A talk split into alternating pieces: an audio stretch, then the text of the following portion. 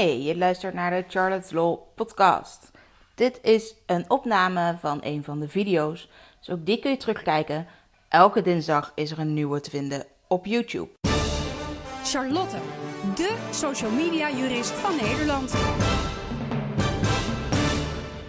Hallo, leuk dat je weer kijkt. Ik wil het vandaag even hebben over de regels bij het publiceren van content. Dus bij blogs, vlogs, video's, uh, ook als je gewoon een social influencer bent en vooral veel doet op bijvoorbeeld Instagram of Snapchat of Facebook of Twitter. Uh, de vorm van publiceren maakt namelijk niet uit. Maar aan dat publiceren zijn wel een aantal regels verbonden. En ik merk dat daar nog veel misverstanden over, over bestaan of dat er veel onduidelijkheid over is. En die wil ik graag voor je uit de weg ruimen. Nou kan ik niet alles heel uitvoerig in zo'n video als dit behandelen. Uh, daarvoor heb ik online cursussen en uh, blogs waar ik uitgebreider in uitleg. Of de boeken. Um, maar de drie belangrijkste, die wil ik toch even aanstippen. Allereerste is het auteursrecht. Ik zie dat heel veel mensen werk van anderen gebruiken snap ik heel goed. Hè? Je ziet gewoon iets wat, wat mooi is of wat leuk is of op een andere manier goed is. Waarvan jij denkt, nou dat kan ik goed gebruiken voor mijn eigen kanaal. Voor mijn eigen blog, YouTube kanaal, Instagram account, whatever. Ehm, en dan kopieer en plak je het. Joh, weet je, prima, het stond toch op internet. Mag ik het toch gebruiken? Maar wat nou als iemand iets van jou zou gebruiken, het zomaar over zou nemen? Zonder credits, zonder het te vragen ben je meestal ook niet zo heel blij mee. Het mag ook gewoon niet. Op heel veel afbeeldingen rust in elk geval auteursrecht. Op bijna alle muziek ook. Op teksten, uh, zodra ze creatief genoeg zijn, rust daar auteursrecht op.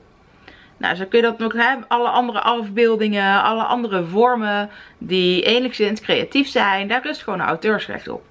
Dat betekent dat je dat niet zomaar over mag nemen. Daar heb je toestemming voor nodig. Wil je toch iets gratis kunnen gebruiken en daar niet nog uh, vooraf toestemming voor hoeven te vragen. Zorg dan dat je naar een bron gaat waar je iets kunt kopen bijvoorbeeld. Uh, of waar je het gewoon gratis vandaan kunt halen. En voor afbeeldingen, foto's in elk geval, werkt pexels.com heel erg goed. Um, voor geluiden, voor muziek, uh, zijn er ook heel veel websites waar je gewoon licenties kunt krijgen voor een paar tientjes. Uh, of je kunt met Creative Commons licenties werken. Die zijn gratis. Het moet je wel vaak aan naamsvermelding doen. Tekst is vaak wat lastiger. Dan moet je toch echt even zelf aan de slag. Nou, uh, wat ik daarnaast heel vaak zie is dat het met het reclamerecht heel vaak fout gaat. Um, dat betekent dat mensen denken, ja nee maar ik heb nu alleen maar iets toegezonden gekregen. Um, en ik heb dus helemaal geen band met dat merk. Ik heb niks met ze afgesproken. Uh, ik krijg er verder niet voor betaald. Dus dan hoef ik het ook niet te vermelden. Of er zijn wel eens mensen die denken, ja nee maar ik heb het op mijn blog geplaatst. En daar heb ik het wel vermeld. En uh, op Instagram maak ik alleen maar reclame om mensen naar die blogpost te trekken. Dus dan hoef ik het op Instagram niet te vermelden, maar op mijn blogpost wel.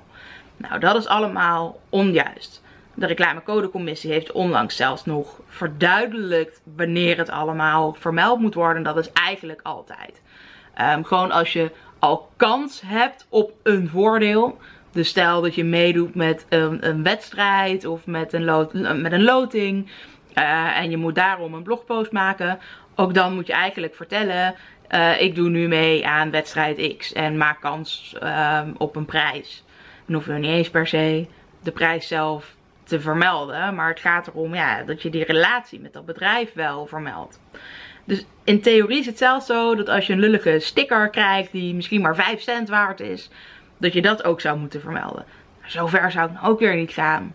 Maar als je iets gratis krijgt, of je hebt korting gekregen, of je wordt betaald voor je content, dan moet je dat altijd vermelden. Iedereen moet erachter kunnen komen dat jij daarvoor uh, een voordeel hebt gehad. Nou, de allerlaatste is dan nog um, privacy.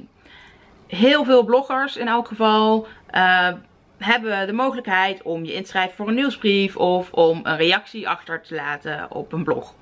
Daar kunnen mensen dus ook hun persoonsgegevens achterlaten. In elk geval vaak een e-mailadres, dus ook een persoonsgegeven. Want dat e-mailadres komt natuurlijk wel terecht altijd. Het hoort bij een specifiek persoon. Op het moment dat je persoonsgegevens verzamelt, ook al geven mensen vrijwillig hun gegevens aan jou, heb je een privacyverklaring nodig. De meeste bloggers hebben geen of geen voldoende privacyverklaring op hun website staan. Dat moet je dus echt wel gaan doen. Uh, vanaf 25 mei 2018 moet die zelfs nog veel duidelijker en veel langer worden. Verstop hem niet in je algemene voorwaarden. Maar zorg dat die altijd goed beschikbaar is. Dus dat hij bijvoorbeeld in de footer, een linkje daarnaar in de footer van je website staat. Zodat iedereen hem gemakkelijk kan vinden. Dus dit zijn eigenlijk de drie grootste fouten valkuilen die ik tegenkom ehm, bij bloggers, content creators, iedereen die publiceert. Dus A, niet goed omgaan met het auteursrecht. Zorg dat je de juiste bronnen gebruikt of maak echt zelf iets. B, het reclamerecht. Zorg dat je echt elk voordeel vermeldt. Of het maar met een hashtag is of door een zin in je blogpost of in je video. Maakt niet uit. Als het er maar in staat. En C, bescherm nou gewoon even de privacy goed van de mensen die jouw uh, blog bezoeken of je video's bekijken. Want dat is wel zo eerlijk. En ze hebben er gewoon recht op. Jij wil ook niet dat je privacy geschonden wordt. Oké, heel veel succes.